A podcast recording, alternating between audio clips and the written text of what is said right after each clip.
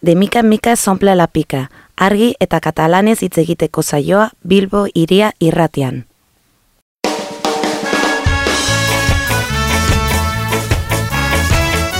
Un cafè amb Clara Garcia.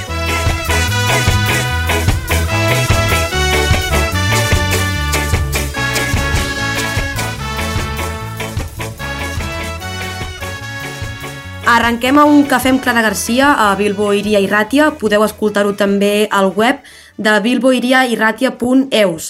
Avui m'acompanya l'Enric Aragonès, portaveu del Sindicat de Llogateres de Catalunya. Enric, moltes gràcies per, per acompanyar-nos aquí. Hola, molt bon dia, gràcies. Bé, començarem una mica amb el tema de les lleis, que a vegades pot ser una mica liós. Um, el 22 de setembre del 2020 va entrar en vigor la llei de mesures urgents en matèria de contenció de rendes en els contractes d'arrendament d'habitatge, que tenia, bueno, bàsicament com a objectiu contenir i moderar el preu de, dels lloguers. Aquesta llei a la, a la pràctica ha, ha funcionat? Sí, absolutament. Nosaltres eh, fem una valoració molt bona de l'any i mig, no? pràcticament d'aplicació que, va, que va tenir aquesta llei. D'entrada, és una victòria històrica, va, va ser una victòria històrica de la força acumulada de, de milers de persones, no? que abans de tenir regulació de lloguers ja desobeïen, es quedaven a casa, es plantaven i ja estàvem signant contractes amb, amb baixades de preus, però a més a més això ens va donar una eina nova no? en què protegia per llei eh, que hi haguessin d'haver en alguns casos baixades i en cap cas pujades de lloguer respecte al contracte anterior. Les dades demostren que durant aquest any i mig va baixar el preu del lloguer en les zones on estava regulades mentre, eh, mentre no va baixar en les zones que no estaven regulades i es van signar més contractes que mai. Que aquest és l'altre eh, diguéssim, l'altra por que alguns eh, tenien, o diguéssim, l'argument que brandaven en contra de l'aprovació d'aquesta llei era que destruiria el mercat, que, que, que no s'assignarien contractes, etc i en canvi s'han signat eh, més contractes que mai. També és interessant perquè com que aquesta llei eh, s'aplicava en alguns municipis sí, alguns no, s'aplicaven als municipis que es declaraven com a eh, àrees amb mercat d'habitatge tens, aquells on es va aplicar una temporada i després es va deixar d'aplicar, es va veure també que els preus canviaven, diguéssim, el seu, el seu comportament. En el moment en què es deixava d'aplicar la regulació, eh, doncs tornaven a pujar els preus com feien sense regulació. Per tant, totes aquestes dades, podríem entrar més al detall, però totes aquestes dades ens demostren eh, que sí que funcionava i la valoració que en fem és molt positiva. Però el passat 10 de març d'aquest any, del 2022, el Tribunal Constitucional va declarar inconstitucional part de la llei catalana que regula el preu del lloguer perquè bueno, considerava que alguns articles eh, envaïen competències estatals. Aquesta situació com, com ha quedat? Doncs com dius, ara mateix no tenim regulació de preus a Catalunya. El Tribunal Constitucional s'atrevia una vegada més a esmenar les decisions del Parlament, no? fent la feina bruta al lobby immobiliari eh, i a la dreta, i ara mateix no tenim aquesta regulació. Sí que és rellevant en aquesta sentència que l'argumentació que fan és en base a competències, però, mm, diguéssim, queda reconeguda la possibilitat de fer, diguéssim, la regulació de preus com a una de les polítiques públiques eh, d'habitatge i que entra dins la funció social que té, que té l'habitatge. Malgrat això, creien que el Parlament de Catalunya, el Tribunal Constitucional diu que el Parlament de Catalunya no té les competències per regular el preu dels lloguers. I és per això que ara estem en, en la situació de poder tornar a tenir regulació de preus dels lloguers el més aviat possible a través de la llei estatal eh, pel dret a l'habitatge que s'està debatent ara mateix. Sí, ens, ens trobem també que dintre d'aquestes mesures adoptades pel govern espanyol per fer front a la crisi generada per la guerra d'Ucraïna, hi ha una limitació del preu del lloguer, no? que també és trist que ho hagin de fer ara perquè hi ha una guerra. El govern espanyol ha establert un màxim del 2% en la pujada dels lloguers, dels contractes, fins al màxim del 30 de juny. Però crec que és important llegir la lletra petita, ja que aquí com, es fa com una diferència entre els grans propietaris i els, partits, i els petits particulars, no? perquè els que sí que són grans propietaris sí que tenen aquest 2% fix i els que són petits no. Això, això què significa?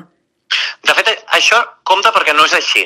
Um, han volgut um, crear una certa confusió i entabanar directament als llogaters perquè en tots els casos existeix la limitació del 2%.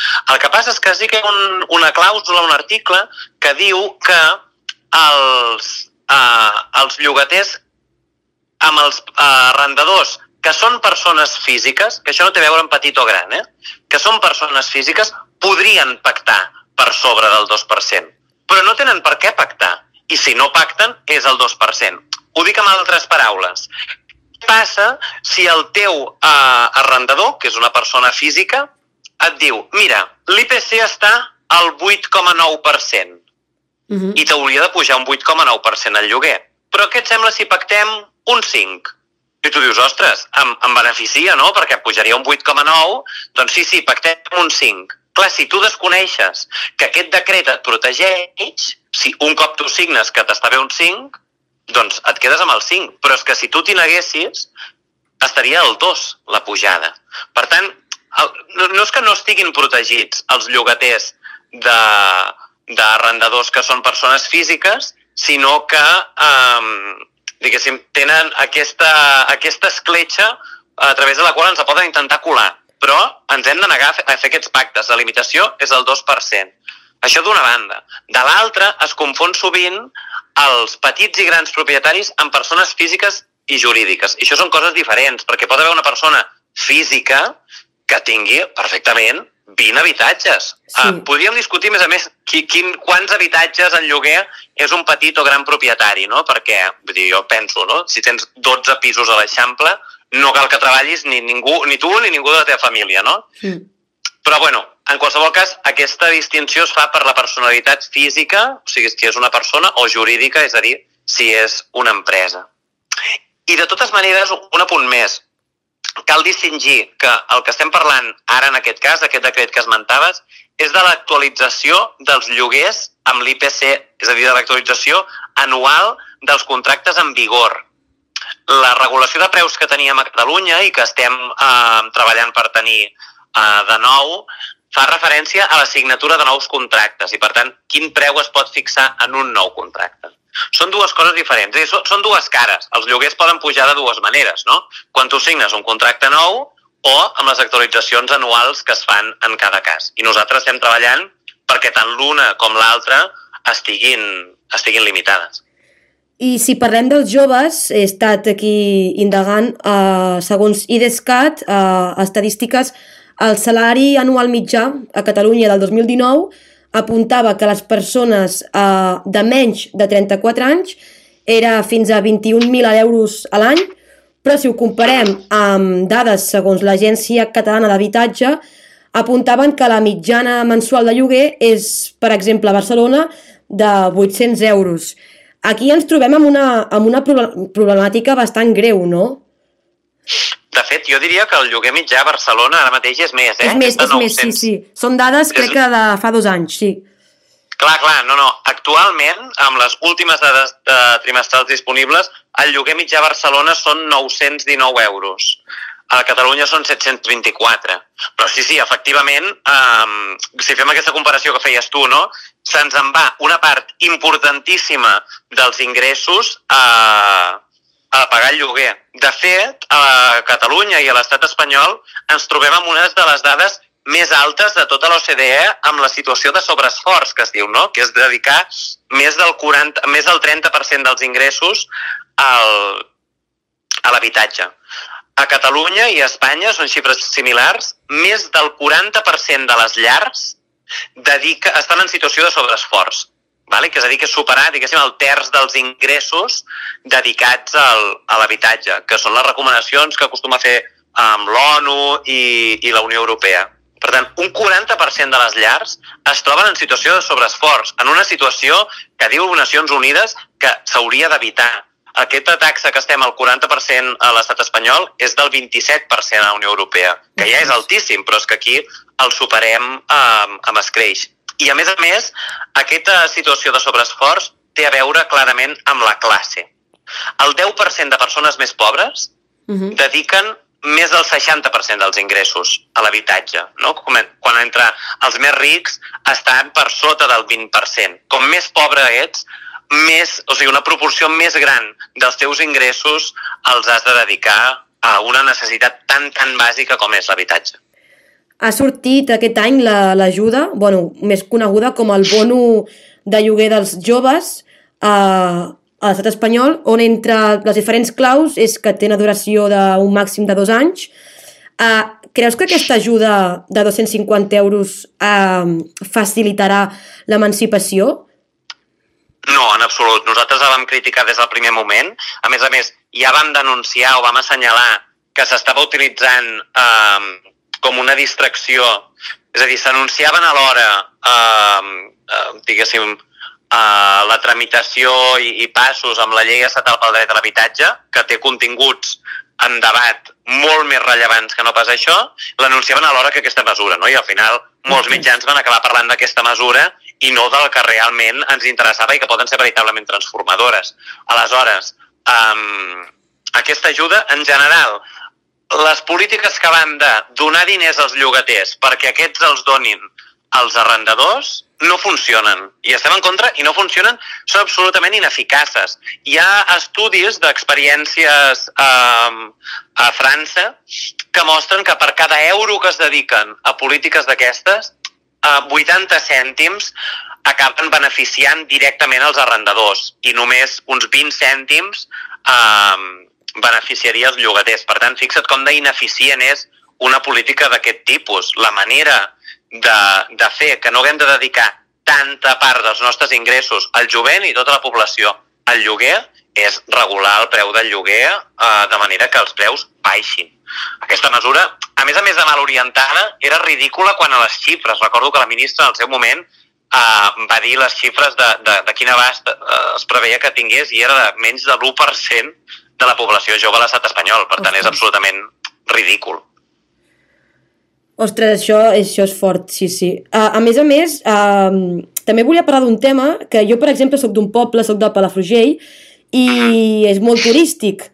Um, I aquí l'especulació urbanística està bastant a l'ordre del dia i també afecta als lloguers, no? perquè si tu vas a qualsevol web et trobaràs que la gran majoria d'habitatges per llogar doncs, són o de vacances o bueno, són caríssims o són xalets i, i no, no et permet poder viure aquí tot l'any, diguéssim. Tu creus que el turisme ha sigut com alguna una clau o que hagi fet algú una mica de mal també el tema dels lloguers?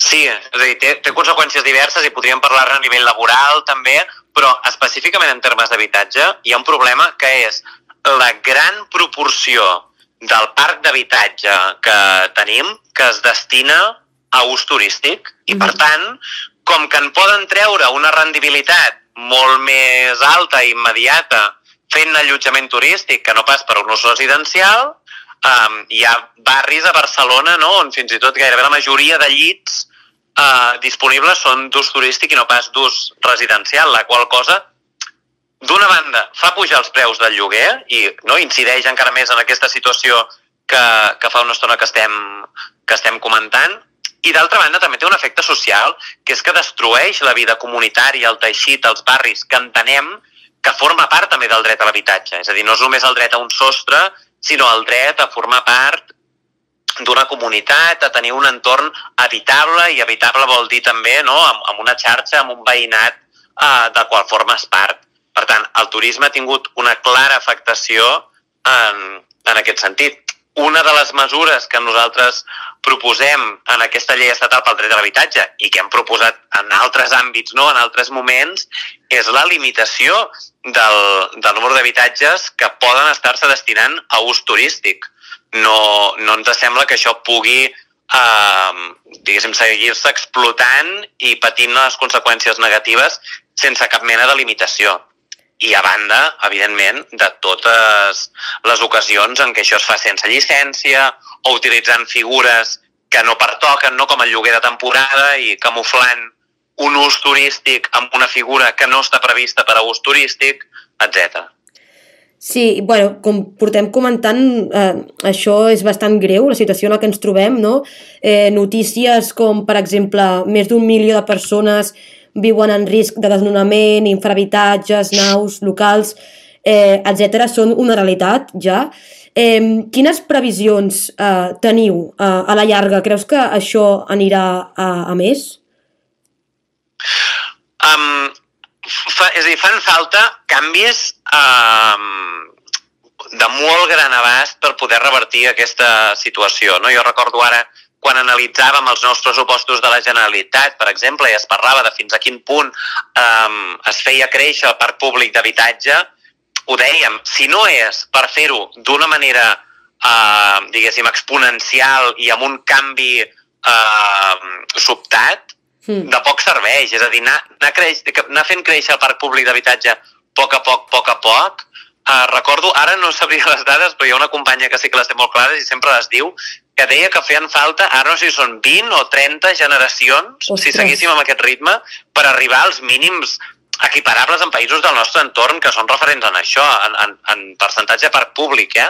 La llei catalana d'habitatge diu que el 2027 hem d'haver arribat al 15% d'habitatge protegit i ens trobem, bàsicament, a una desena part d'això. És a dir, necessitem un canvi molt radical en aquest sentit i, i, i canviar absolutament les polítiques. I sobretot perquè si anem construint habitatge públic o protegit i fem que aquest es desprotegeixi al cap d'uns anys, que és el mm. que s'ha fet fins ara, sí. torna a ser una política absolutament ineficient. Quina manera de llançar els diners?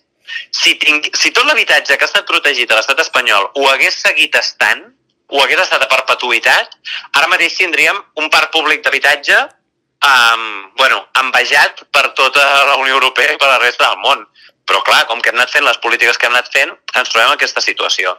Crec que ara, amb la llei estatal pel dret a l'habitatge, també amb altres fronts, eh, però aquest és el que tenim ara mateix um, sobre la taula, hi ha moltíssims uh, d'aquests temes que, que estem tractant, no? com la regulació de preus del lloguer, les actualitzacions, la limitació del lloguer turístic, però també el parc públic d'habitatge, també les alternatives Ah, i el lloguer social obligatori davant l'amenaça de desnonament. És una oportunitat enorme que està sobre la taula i, i aquí s'haurà de veure què decideix fer el, el Partit Socialista, amb qui decideix pactar uh, aquesta llei i com uh, efectivament recull uh, les propostes que hem fet, hem fet arribar a través dels diversos grups parlamentaris, però que hem treballat totes les entitats que, que defensem el dret a l'habitatge a l'estat espanyol. Doncs espero que, que, siguin, o sigui, que, que us donin suport al màxim, però també el tema dels pisos buits, de, que n'hi ha molts, sobretot a Barcelona, concentrats, no se podria regular d'alguna forma? Eh, eh, perquè crec que són més de 35.000 eh, pisos buits a Barcelona. No hi ha cap manera de, de poder de poder utilitzar-los? Sí, nosaltres apostem també per les uh, polítiques que sancionin els pisos buits. És cert que sempre amb les eines que tenim actualment per fer política pública en aquest sentit, uh, les administracions sempre es queixen que, que falten mecanismes per detectar els pisos que efectivament estan buits. No és tan fàcil de poder articular uh, polítiques en aquest sentit. També n'hi ha d'altres que han tendit a incentivar que les persones que tenen pisos buits els posin en eh, borses de lloguer social eh, municipals. No? A Barcelona n'hi ha i també en altres municipis de Catalunya en què l'Ajuntament s'encarrega de la gestió d'un lloguer social de pisos que són propietat de, de, de particulars no? i que els posen a disposició de l'Ajuntament per, per fer créixer aquestes, aquestes borses. Tampoc hem d'oblidar que hi ha una quantitat enorme de pisos buits i la directa publicava fa poc un, un reportatge que estan en mans de, de la Sareb i de fons, eh, de fons d'inversió enormes mm. i de bancs, d'entitats bancàries, moltes de les quals han rebut diners públics, van rebre diners públics, un rescat, no?, sí. a fons perdut, i que és increïble que no tingui cap um, retorn, diguéssim, no? Que, que, que ens permetem que hi hagi empreses, bueno, bancàries, entitats bancàries, que hagin rebut milions d'euros públics i puguin tenir uh, milers de pisos buits sense donar-los cap, cap funció social. Sí, sí, totalment. I en el vostre Instagram, a més a més, eh, per qui ens estigui escoltant, eh, a l'arroba sindicat lloguer, també es poden trobar diferents manuals per conèixer la normativa i per saber què pots fer i què no amb, amb el contracte de lloguer. Enric, t'agradaria comentar alguna cosa abans, abans d'acabar l'entrevista? Mira, crec que és important això últim que deies. Nosaltres sempre expliquem, no?, la gent que s'acosta al sindicat, uh, quan parlem dels drets dels lloguers, la gent té tendència a fer la pregunta això m'ho poden fer? Sí. A vegades hi ha alguns abusos que, que els arrendadors o les immobiliàries o els administradors pretenen fer que són clarament il·legals i per tant aquí els plantem cara i els diem perdona, això no ho pots fer perquè és il·legal, però molts d'altres d'aquests abusos són legals i igualment els plantem cara, i igualment aconseguim moltes victòries. Ho dic perquè és molt important que la gent es llegeixi les guies, no? Ara, per exemple, les actualitzacions de l'IPC han publicat diverses guies sí. per veure quin és el marc no? en, què, en què es troba el seu contracte, etc.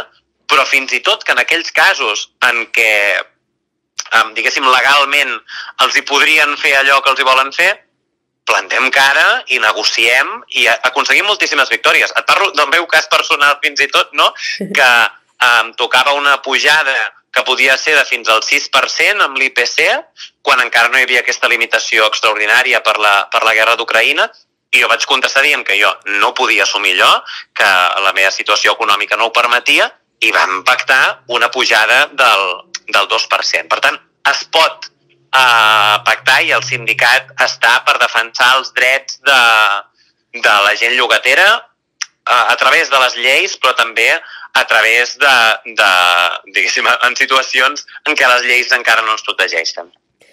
Doncs Enric Aragonès, portaveu del Sindicat de Llogateres, moltes gràcies i aprofito per també donar-te les gràcies per tota la bona feina que feu, tan important, i que tant de bo us donin més veu perquè sou, sou imprescindibles. Ha sigut un plaer, de veritat. Moltíssimes gràcies, fins a propera. De mica en mica s'omple la pica, un programa per parlar clar i català a Bilboiria i Ràtia. Benvinguts una setmana més al Denominació d'Origen, la secció musical del De Mica en Mica. Esta setmana toca parlar de Causa, el segon àlbum en solitari de l'ex-líder i fundador d'Obrim Pas, Xavi Sarrià. Després de En l'esperança entre les dents, de l'any 2017, Sarrià va presentar el passat mes d'abril una col·lecció de 10 noves peces comprenedores a cavall entre la tradició i la modernitat, la tendresa i la ràbia, i la causa i la ferida. Mostra d'això eh, Un foc que creix, del disc Causa, de Xavi Sarrià.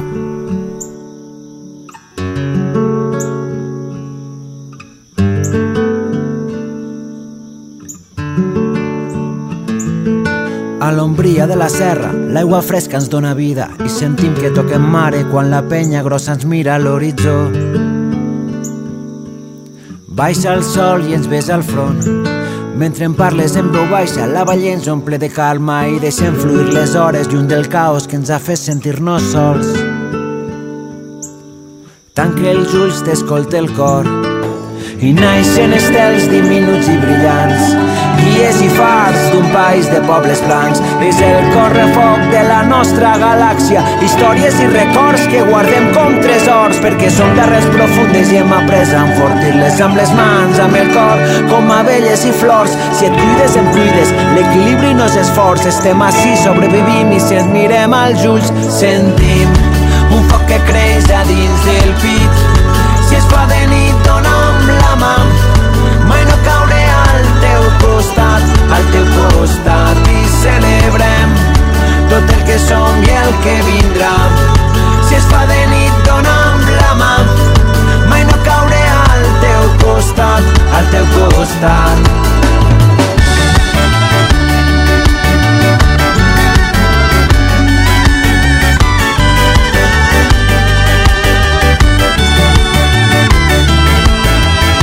corrent pel poble com quan érem xicotets. Als últims carrers la lloma és la maga del secret una altra nit. Dones la mà i jo somric. Em portat unes guitarres, uns llauts, unes dolçaines, les cançons i rebel·lies, filles de les valls morisques d'on venim.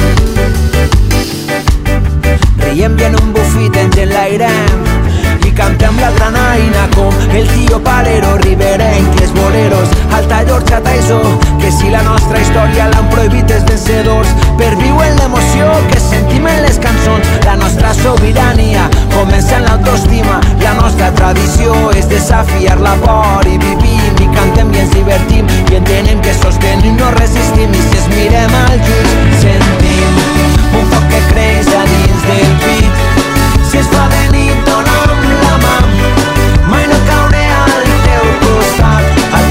teu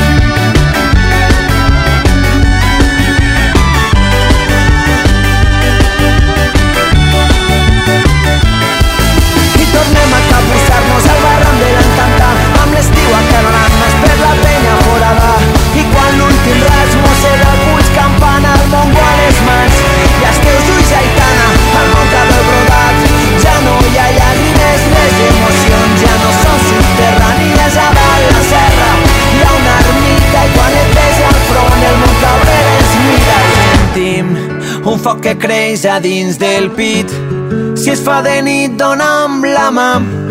Mai no cauré al teu costat, al teu costat i celebrem tot el que som i el que vindrà. Si es fa de nit, dona'm la mà. Mai no cauré al teu costat, al teu costat. Abans d'aturar la seva carrera al mai del 2014, Obrim Pas van deixar 20 anys de vivències salvatges, 7 discos editats i una gira constant que els va dur a actuar a gairebé tots els racons del món en una fórmula tan única com exitosa arreu.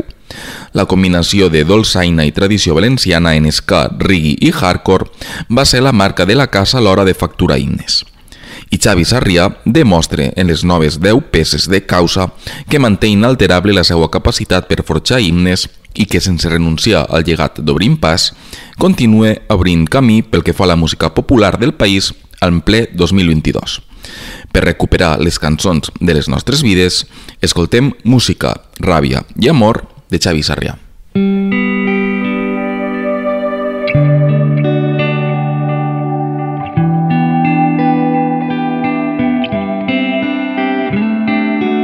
Entre les meues pors, cuidem les esperances. Sol a l'habitació, escric per no oblidar-les i tornes el xaval que es va cosir dos ales per volar i escapar. Demà casa en flames, porta uns auriculars com si foren salvavides i aprenem-me les cançons. Aprenc a sobreviure i quan et trobe al parc, entre silencis llargs, xiulant melodies, tornem a somriure i cantem les cançons de les nostres vides. Tanquem els ulls i volem sobre incendis i ruïnes. Els dos en la teua bici, fugim pels camins d'horta, cridem al vent i sentim que la vida és nostra com uns equilibristes. Entre el drama i l'eufòria entenem que ser nosaltres ja és una victòria. La vella alqueria és el nostre amagatall, tocant a tota hòstia amb uns amplis que ens han deixat. Intentem alliberar la ràbia en tres acords, jonquis de l'adrenalina que ens alimenta el cor. I ara que torna a obrir-me'l, et troba a l'interior i ens curem les ferides amb mil trossos de cançons i ballem i vibrem i riem i tornem a ser qui som sense angoixes ni pors. I cantem les cançons de les nostres vides. Tanquem els ulls i volem sobre incendis i ruïnes. I sentim que la vida és això. Música, ràbia i amor. Els nostres refugis en els dies de foscor.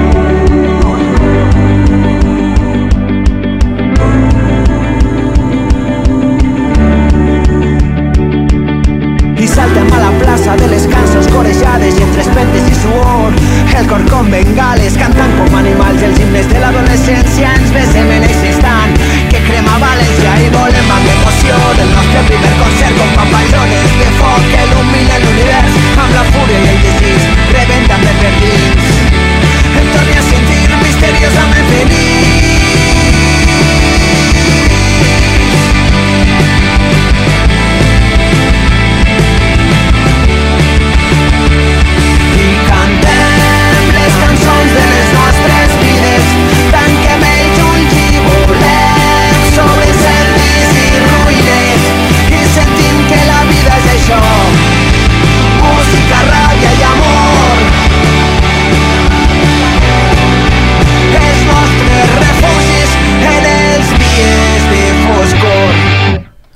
seva exitosa fórmula d'esca, rock i reggae, Sarrià incorpora el bo i millor de l'escena actual d'arrel i de músiques modernes. Causa va néixer arran de la cançó No s'apaguen les estreles, que tanca el tracklist del nou àlbum, una peça que va ser el track principal de la banda sonora original del film Guillem, de la tardor del 2020, i en la qual Sarrià confessa que, de sobte, vaig recordar que no cal buscar lluny, que tenim un tresor amagat dins nostre, unes arrels que ens permeten resistir quan sembla que tot falla. I que potser ens han ferit, però cal recordar també que hem après a sobreviure amb la fletxa clavada al llom com la nostra causa. Ara no s'apaguen les estreles, cançó en memòria de Guillem Agullo.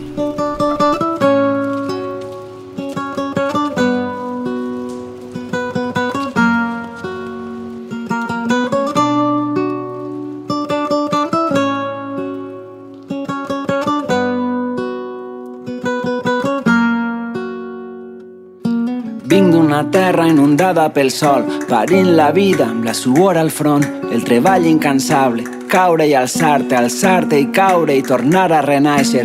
Vinc d'un oasi, un desert i un verger, illes de pobles entre tarongers, vinc del que ensenya Vicent Martí. La terra sagrada i sagrat els seus fruits, vinc dels silencis de les serralades, la remor suau de barrancs i canyes. Potser ens van tallar les nostres ales, però seguim d'en peus a l'ombra dels arbres, un aljub d'argamassa, l'argila roja, la pedra seca, la font secreta. Vinc d'un tresor d'accents i paraules, enigmes d'amor indescifrables pena i també de la festa. Les portes obertes, sopar a la fresca, un raig d'oli sal, un sabor ancestral, cridar-nos, besar-nos, deixar-nos endur pel bater. Col·lectiu que ens encén cada estiu, el misteri del foc, incendis d'amor, música de banda i joves que canten. T'estime, t'estimo, t'estima amb la gossa, vin del misteri que amaga la moma, jupetins, espardenyes, fandangos i jotes, vinc de malaguenyes, vinc de l'udaielo, tabals a l'albada, al cordel, botifarra i sóc flama i sóc aigua, element sempre en guerra, l'arma i escut de la nostra terra. Vinc de la xiqueta, la mà del carrer, la flor de la parra i del taronger. Vinc d'una terra inundada pel sol, parint la vida amb la suor al front, al front, la suor al front. Vinc de sobreviure tots els impossibles, els bàtecs del cor són els nostres himnes. Vinc i seguim resistint per molt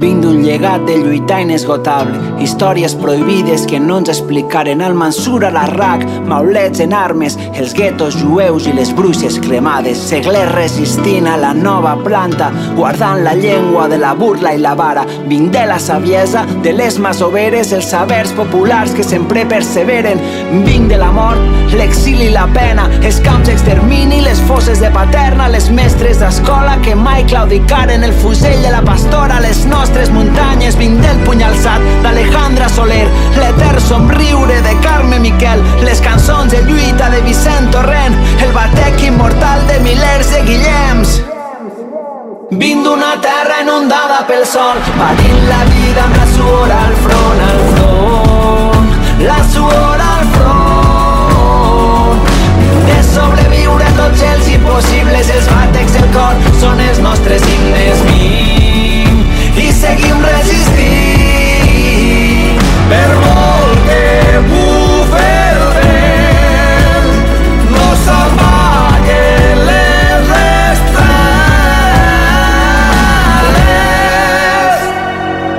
Vinc d'una terra inundada pel sol parint la vida amb la suor al front, al front la suor al front. Vinc de sobreviure tots els impossibles, els bàtecs del cor són els nostres himnes. Vinc i seguim resistint. Terra inundada la vida la suor al front, la suor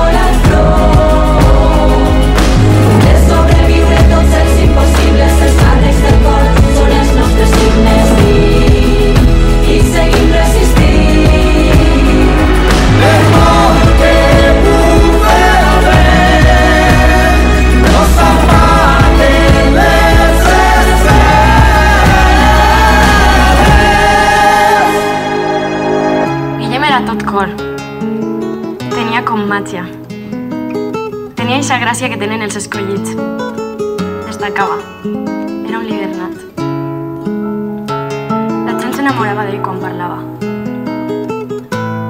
Tenia el cor tan gran que fou fàcil que encertaren. Les deu cançons del nou disc de Xavi Sarrià esclaten de la tensió entre la ferida i la causa. De la resistència llauradora morisca de la nit ferida a les històries de la gent humil i treballadora de causa. Però veuen també de la tensió entre l'actualitat i la tradició i musicalment tot l'àlbum està travessat per la combinació d'elements i instruments tradicionals en rock, ska, reggae i electrònica, patent especialment a Balancilla o la Cantaora de la tendresa de No s'apaguen les estreles i la ràbia que canta música, ràbia i amor, i presagi, el foc i la calma d'un foc que creix i la dualitat entre el jo i el nosaltres, especialment a autodefensa. Precisament anem en autodefensa del disc Causa de Xavi Sarrià.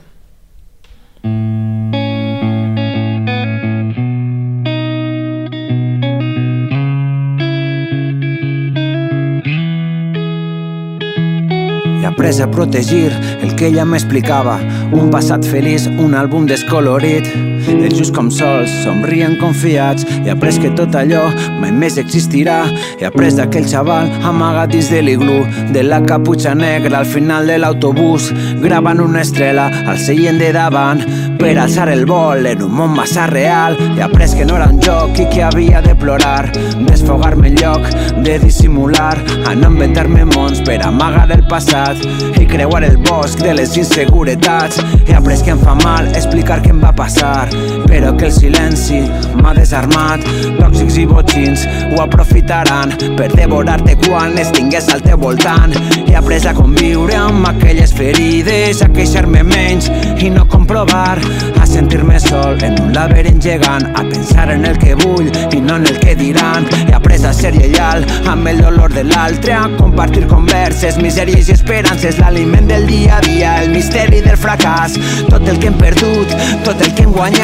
He après a assumir el risc, a seguir l'instint, a no calcular, a deixar-me anar, i que quan ho faig tot cobra sentit, que en un gir inesperat soc feliç al teu costat. He après que el sol cremarà fins l'infinit, que el vent salat tornarà cada matí, que gelarà l'hivern i escalfarà l'estiu, que no hi ha res més somrius. Canta una cançó com un SOS Entre tant soroll, una veu en contesta. Apague la pantalla, escolte com batega. Tu eres la foguera que escalfa i crema. He après que no, que no puc sol, que necessita ajuda. Que no estic bé, que tard o pront arriba una altra recaiguda. Que fa fred sense el teu foc, però em queda una espurna. Un flash, un reducte deixa emoció pura. I he après a explorar els racons mal La cara fosca del meu cor vandalitzat. A ser com sóc, assumir que no és normal. Viure trencat des que tenia 9 anys i après que el temps no cura però madura i calla al fons. En la negror profunda sempre hi ha una alegria. Fràgil però fecunda que fa rebrotar la vida. Amb tendresa dia a dia he après a respirar i a mirar-me cap endins.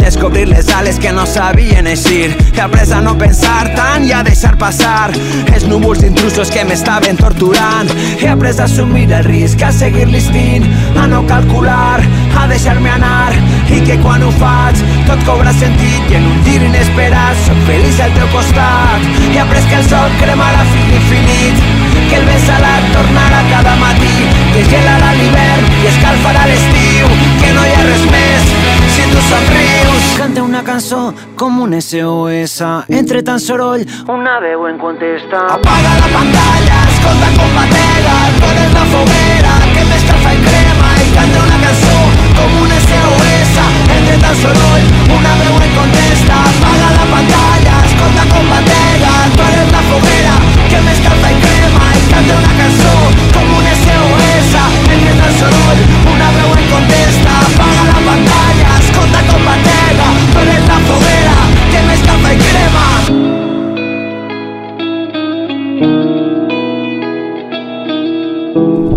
Causa compta en un estol d'instrumentistes que reunís el bo i millor de l'escena valenciana actual de músiques modernes i un estol de col·laboracions de luxe, tant en el camp de la instrumentació i el camp d'inspiració tradicional com Abel Garcia, Paco Costa, Héctor Pero Padre i Ahmed Tousani als llaüts mediterranis, la guitarra, la dolçaina i el violí, respectivament, o Pep Jimeno Botifarra, Sandra Montfort, Anna Milló i Rafael Arnal a les veus. Cal destacar també la col·laboració vocal de la rapera lleidatana Elane, el tema que dona nom al disc, i la programació electrònica i producció de Jenny Strani, que rodonís un àlbum en lo que Sarrià ens demostra que continua regalant-nos el seu art per retrobar-nos i entonar junts les cançons de mil colors de les nostres arrels. Escoltem ara Causa, cançó que dona nom al disc de Xavi Sarrià, en la lleidatana Elane. plat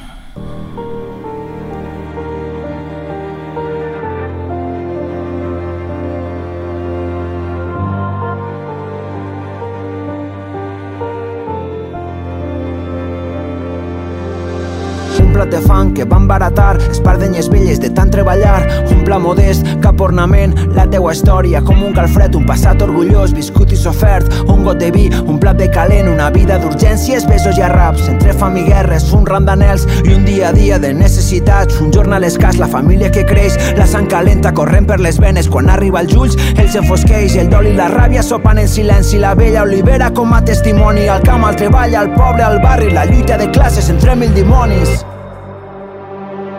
no oblides i tu que seguisses per les que pariren i que tant patiren. Tu tens una causa, una guerra oberta contra les ports que et van ofegant. Tu dones la cara entre la confusió l'individualisme que ens vol aïllar en buides bombolles de pànic i algo que fan quotidiana la teua ansietat. I calles i sents que no estàs a soles que seguin d'en peus en barris i pobles el mar a les serres de coses revoltes com les tempestes. Sempre retornen i tu eres el llamp imprevisible. I quan ens unim som indestructibles per la sambessada de la nostra gent. Estimes la vida, combats el feixisme. Sent el vent que eriça la teua pell Respira fort, atura el món Tens motius, impuls i autocontrol.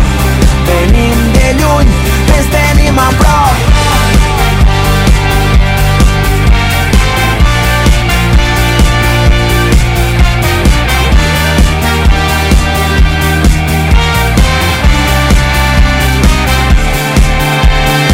plat de fang que guardes i cuides com una penyora d'honestedat. La gent de baix és la que sosté el món i seguim creixent amb les seues llavors d'autoorganització i comunitat. Xarxes autònomes i horitzontals, la sàvia que ens cal en qualsevol crisi s'indica este barri contra el seu declivi. Serem la saó, d'horta i espigues, valls i ravals, masos i alqueries, com una guerrilla de foc i de síntesi per les que venen i ens precediren. Per elles seguim en la foscor, tenim una causa i determinació. El cap ben alt davant l'opressor, venim de lluny i estem a prop. Sent el vent que eriça la teua pell, respira fort, atura el món, tens motius, impuls i autocontrol. Venim de lluny, ens tenim a prop. Ara el poble ha canviat, busquem la llum a canvi del demà. Que raspeja la veu, aixeca la mà, sense diners trobem pa. Seguim cantant, himnes per la rebel·lió, que serà millor viure lluitant i sentir la calor. Sentir la calor. Pensa, pensa, que la vida és densa. Canto les hores perseguint de la resta. Tensa la corda que m'ofega dins el ventre. I bueno, ja arriba la tempesta sempre. El rellotge marcarà més tard. Vull que estiguis quan arribarà demà. Tot el que diem i tot el que diran No podran apagar ni borrar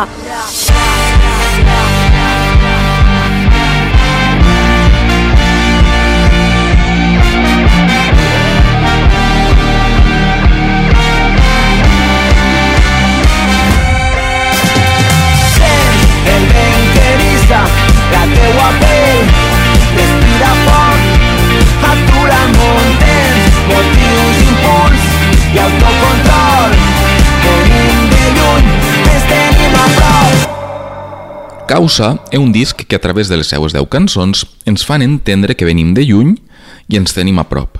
En Xavi Sarrià i la seva cançó Balancilla ens acomiadem una setmana més, no sense abans recordeu-vos que podeu seguir-nos a la nostra pàgina de Facebook, de mica en mica guionet Bilboiria, i tornar a escoltar tots els programes del de mica en mica al web bilboiria.eus. Passeu un bon cap de setmana. Salut! Una alqueria, estreles i flors. Abraça l'aurora, un país de cançons. Els joves dansen la lluna mudat. No plores, mare, que el cel està albat. Amor, l'innocència ens l'han arrencat. Ja no hem de mentir per dir la veritat. La nostra alegria no és la dona el vi. És l'emoció pura que ens batega al pit. La teua presència és com una oració. Pregue morir si no visc amb amor. Tot l'univers està dins de tu. Naveguen les barques com rajos de llum. Pels oceans, aigües sensorials. Al centre de tot, on embrolla qui sóc Un camp magnètic sense coordenades Melodies nues de cançons sagrades. Palmes postisses, guitarra i dolor. No et posem cara però et sentim al cor. Gemec sense esquema, art de resistència. Peus esguerrades d'exili interior. Negrat l'esperança que es perd processent Verdes la mort que no vol fer el dol. Ara ho entenc i no puc callar Se m'erissa la pell quan t'escolte cantar. Una sandinga, una seguidilla Una malaguenya, una granaïna La llavor germina, plora i s'extasia Quan s'obrin canal. La nostra ferida Redades, presons, expulsions i matances. No he pogut callar l'emoció amb què cantes. Et perseguirem però tu et camuflares Prenyares per sempre les nostres entranyes. A les nits de l'alqueria. Hi ha llauts i guitarrons Pintant les penes d'alegria